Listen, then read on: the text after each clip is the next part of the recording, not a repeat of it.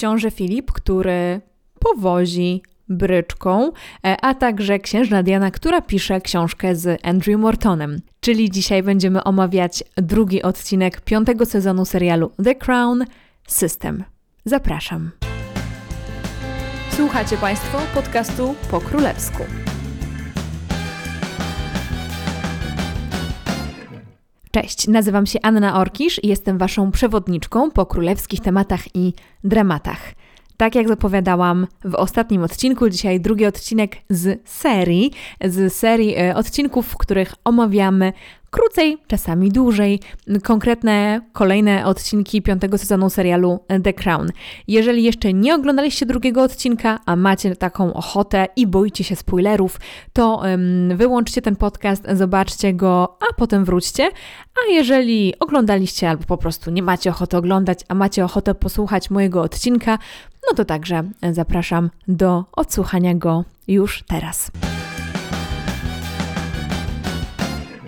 Odcinek ma tytuł System i składa się z dwóch głównych wątków. Pierwszy to wątek księcia Filipa, a drugi to wątek księżnej Diany. Mamy w tym odcinku dwóch outsiderów, którzy łączą się pod koniec odcinka w rozmowie na temat systemu.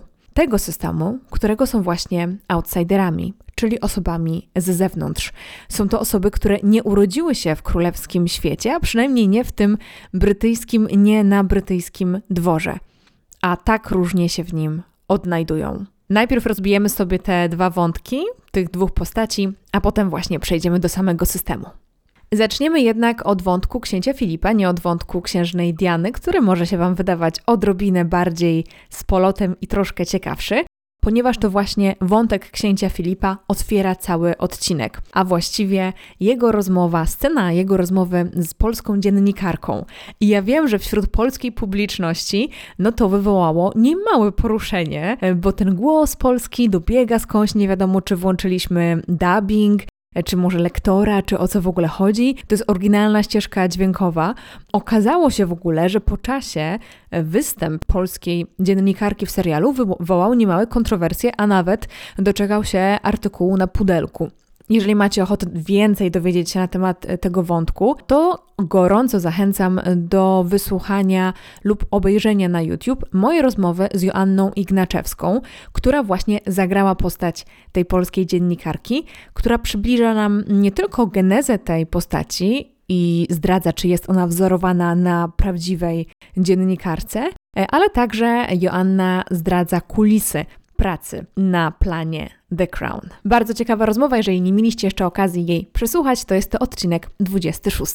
W tej scenie dowiadujemy się, że pasją księcia Filipa jest powożenie. Powożenie bryczek, na co przerzucił się z polo w wieku 50 lat. Powożenie Filipa i jego pasja do tego sportu przewija się przez cały ten odcinek, no i jest też takim spoiwem łączącym różne wątki. No właśnie, ale czy książę Filip rzeczywiście lubił powozić? Czy to, co jest o powożeniu w tym serialu zawarte, to jest to prawda. Dlatego, że przypominam, że w tej serii podcastów także próbujemy odróżnić prawdę od fałszu w The Crown. No i z radością e, mogę powiedzieć, że rzeczywiście tutaj serial trzyma się prawdy. Rzeczywiście książę Filip wcześniej był miłośnikiem polo, no i około 50 miał kontuzję nadgarstka, co wykluczyło go z aktywnego uprawiania tego sportu i rozpoczął wtedy swoją przygodę z powożeniem. Tak się stało w 1973 roku, kiedy miał 52 lata. Książę Filip e, uprawiał ten sport e, i brał czynny udział w zawodach do 2003 roku, czyli szmat czasu 30 lat. Książę Filip powoził kiedy był już po 80, po prostu zrezygnował. Ale on nie powoził sobie tylko hobbystycznie, nie wiem, po e, Windsorze, czy Sandringham, czy gdzieś tam w swoich prywatnych, powiedzmy, e, miejscach, tylko rzeczywiście brał udział w konkursach, w różnych wyścigach, można tak powiedzieć? Chyba można, w wyścigach, w konkursach powożenia. Dzięki temu, że ktoś z rodziny królewskiej zainteresował się w ogóle tym sportem, no to przyczyniło się także do jego popularyzacji. No bo powiedzmy sobie szczerze, poważenie bryczkami, y, kiedy są w zaprzęgu konie lub kucyki tym bardziej. Jest to dosyć e, niszowy sport e, i taki był zawsze w cieniu. A rzeczywiście środowisko e, tego sportu mówi, że przez to, że książę Filip zainteresował się tym sportem i zaczął go uprawiać i aktywnie uprawiał, tak powiedzmy półzawodowo przez wiele lat, no to rzeczywiście przyczyniło się do jego zauważalności poza tym wąskim kręgiem. Profesjonaliści bardzo to, bardzo sobie to cenią i, i mają księcia Filipa za takiego swojego ambasadora. Doceniają bardzo jego wkład w rozwój dyscypliny. I tą pasją książę Filip e, zaraził nie tylko bohaterkę, współbohaterkę tego odcinka, do którego zaraz e, przejdziemy, ale także zaraził swoją najmłodszą wnuczkę, Lady Louise Windsor.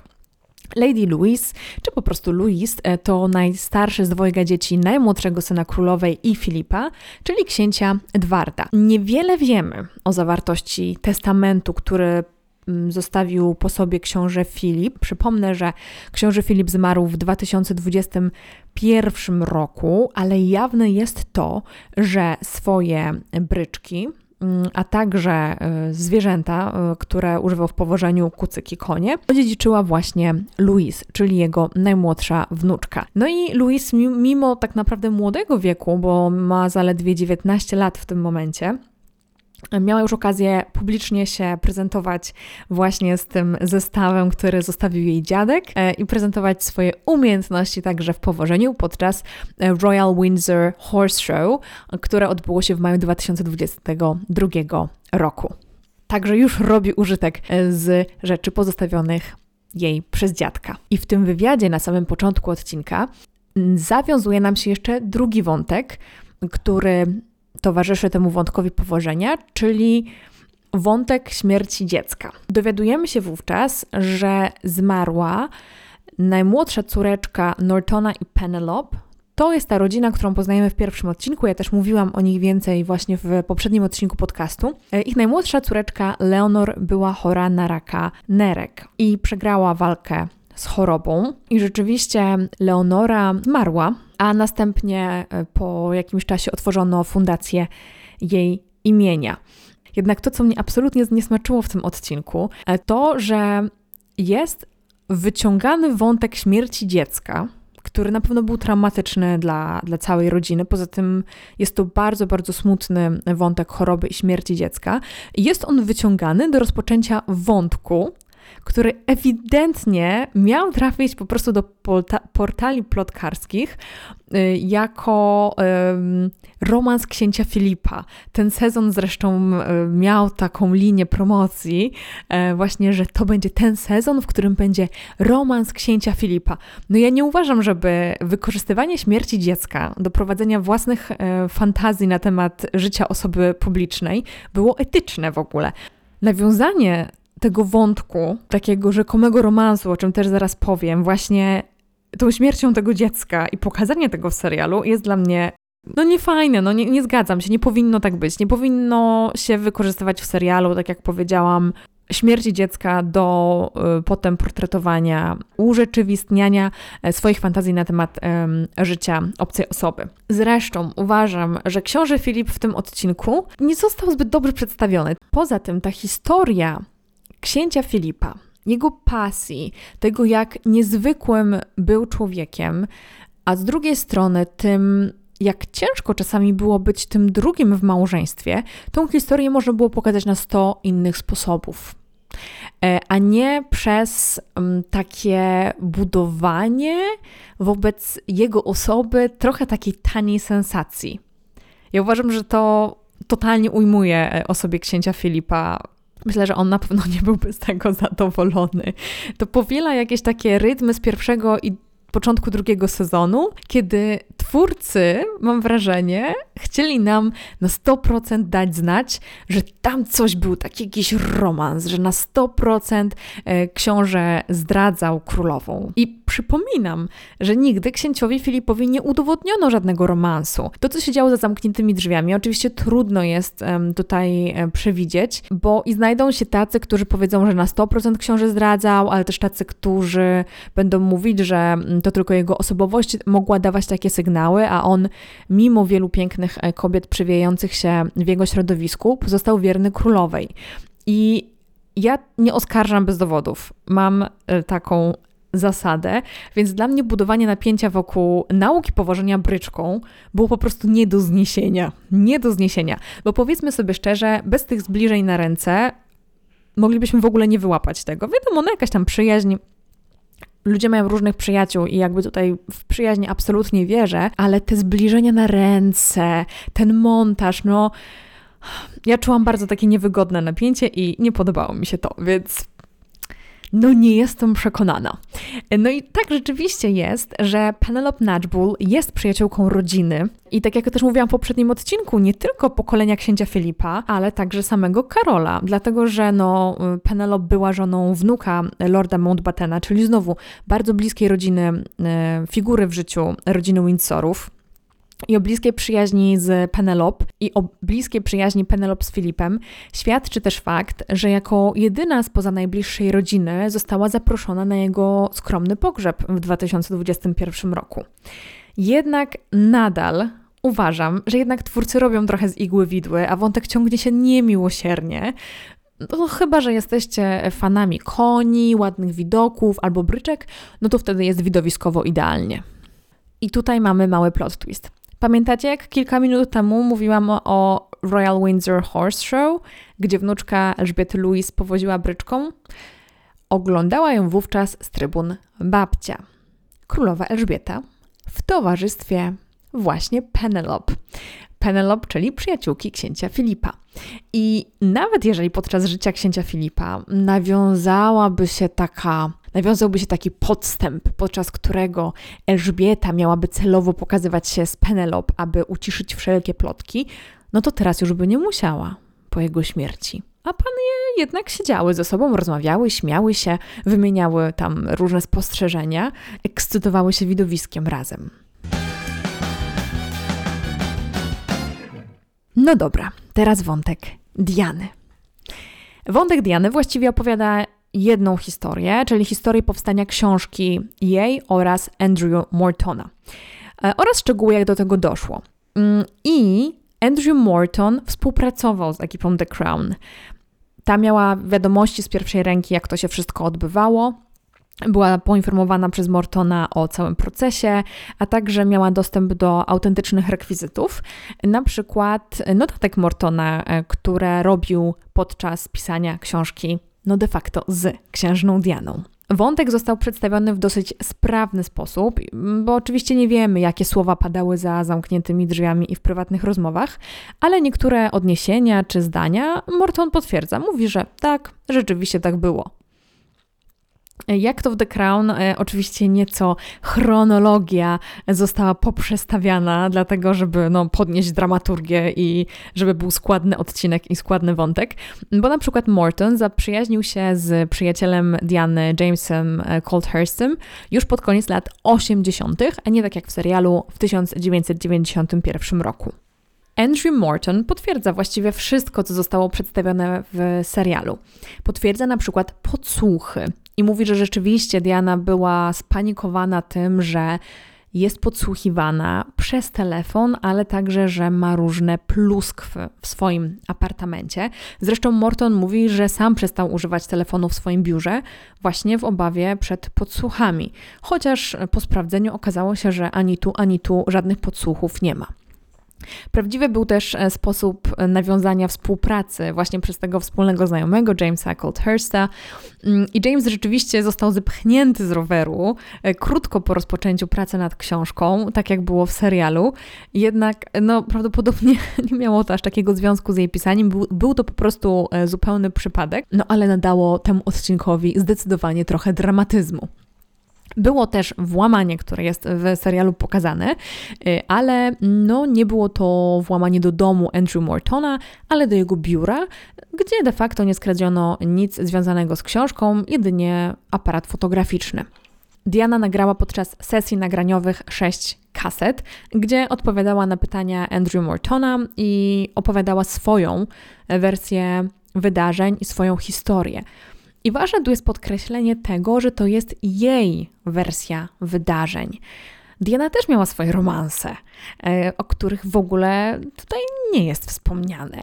E, jest wspomniane oczywiście o romansie, który znamy i który teraz e, jest jakby zupełnie oficjalny, dlatego że mamy króla i królową, czyli romansie Karola i Kamili, ale o swoich wówczas czterech romansach, o których wiemy do tego czasu, nie wspomina nie wspomina ani słowem. Jedynie mamy wspomniane o tych romansach um, pod koniec czwartego sezonu w tym serialu, kiedy mówi o nich księżniczka Anna królowej Elżbiecie.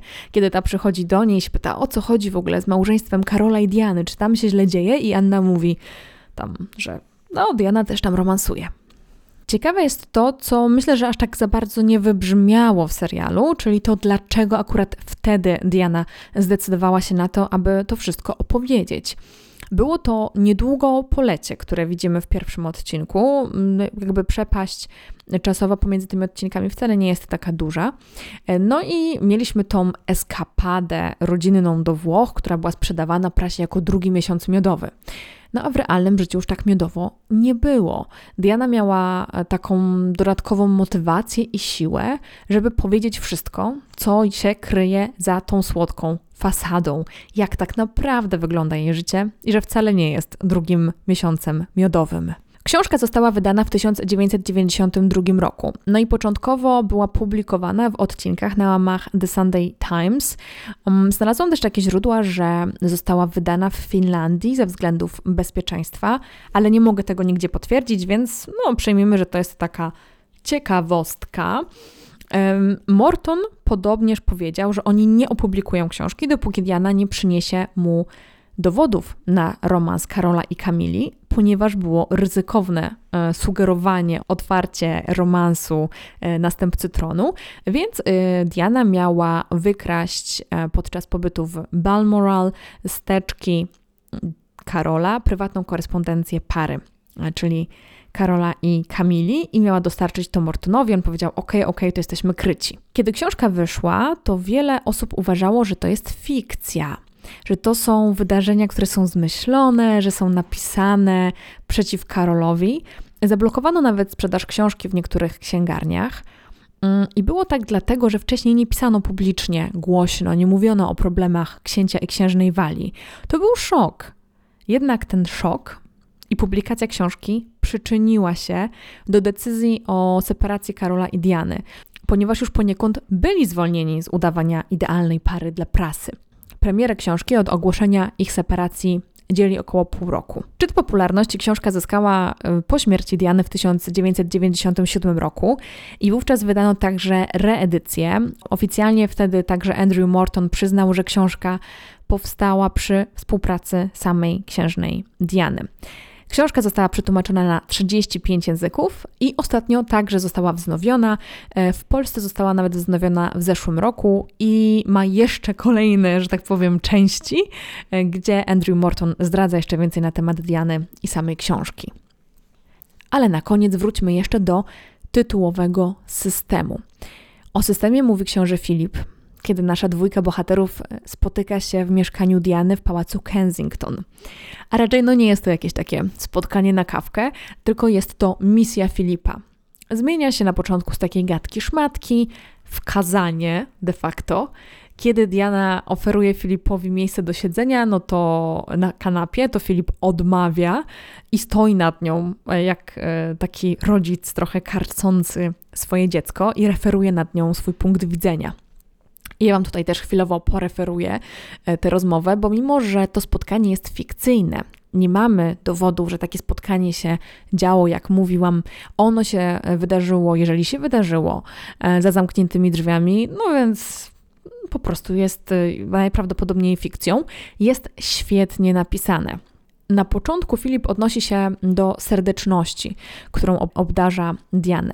No i tak, jest dużo podań rzeczywiście na ten temat, że Filip lubił Dianę, że był wobec niej wyrozumiały ze względu na podobne położenie, położenie osoby z zewnątrz, outsidera, który wchodzi do rodziny królewskiej. No jednak e, stoi troski o nią, przychodzi do niej i e, oferuje e, tak zwaną radę typu ciocia dobra rada, rada, o którą nikt nie prosił, a jednak ją dostaje referuje jej swoje mądrości na temat jej życiowych e, wyborów. Mówi do Diany: Nie jesteś nowa. I to też była prawda, dlatego że Diana już była w rodzinie 10 lat, więc nowa nie jest. I mówi, że to nie rodzina, a to system. To jest system, w którym oni wszyscy tkwią. Tkwi w nim Elżbieta, Filip, ważniejsi, mniej ważni członkowie rodziny. Wszyscy są w tym systemie. I jeżeli będą się dawać ponosić i będą wybuchać, to nie zniszczą tylko rodziny, ale zniszczą system i zniszczą koronę. Filip mówi, że można łamać zasady i być szczęśliwym i być sobą tak długo, jak publicznie jest się wiernym koronie. On mówi wiernym współmałżonkowi, tak? Ale chodzi tutaj o bycie wiernym koronie.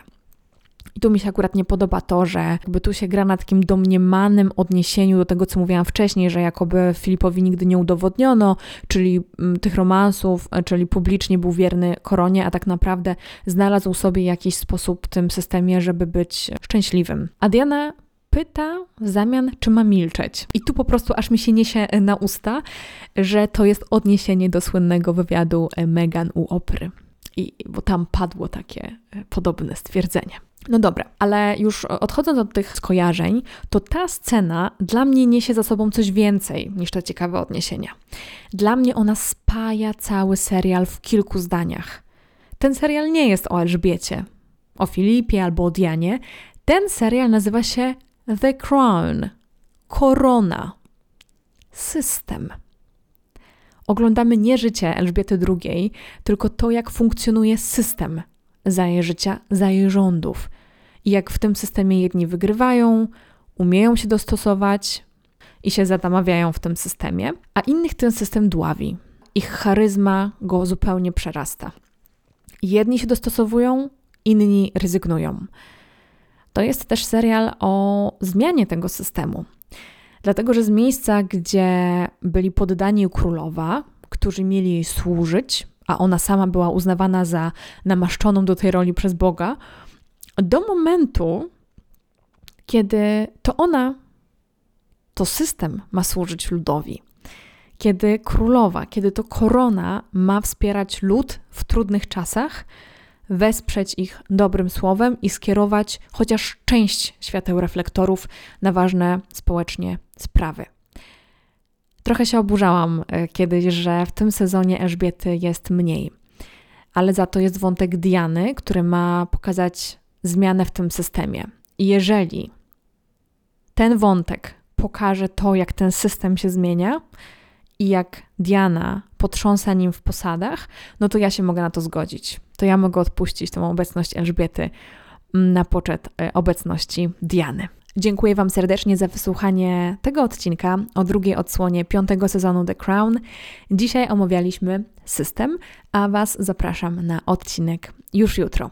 Jeżeli macie ochotę napisać mi o swoich wrażeniach, to jak zawsze czekam na Wasze wiadomości na Instagramie po królewsku. Pozdrawiam ciepło i do usłyszenia. Pa pa!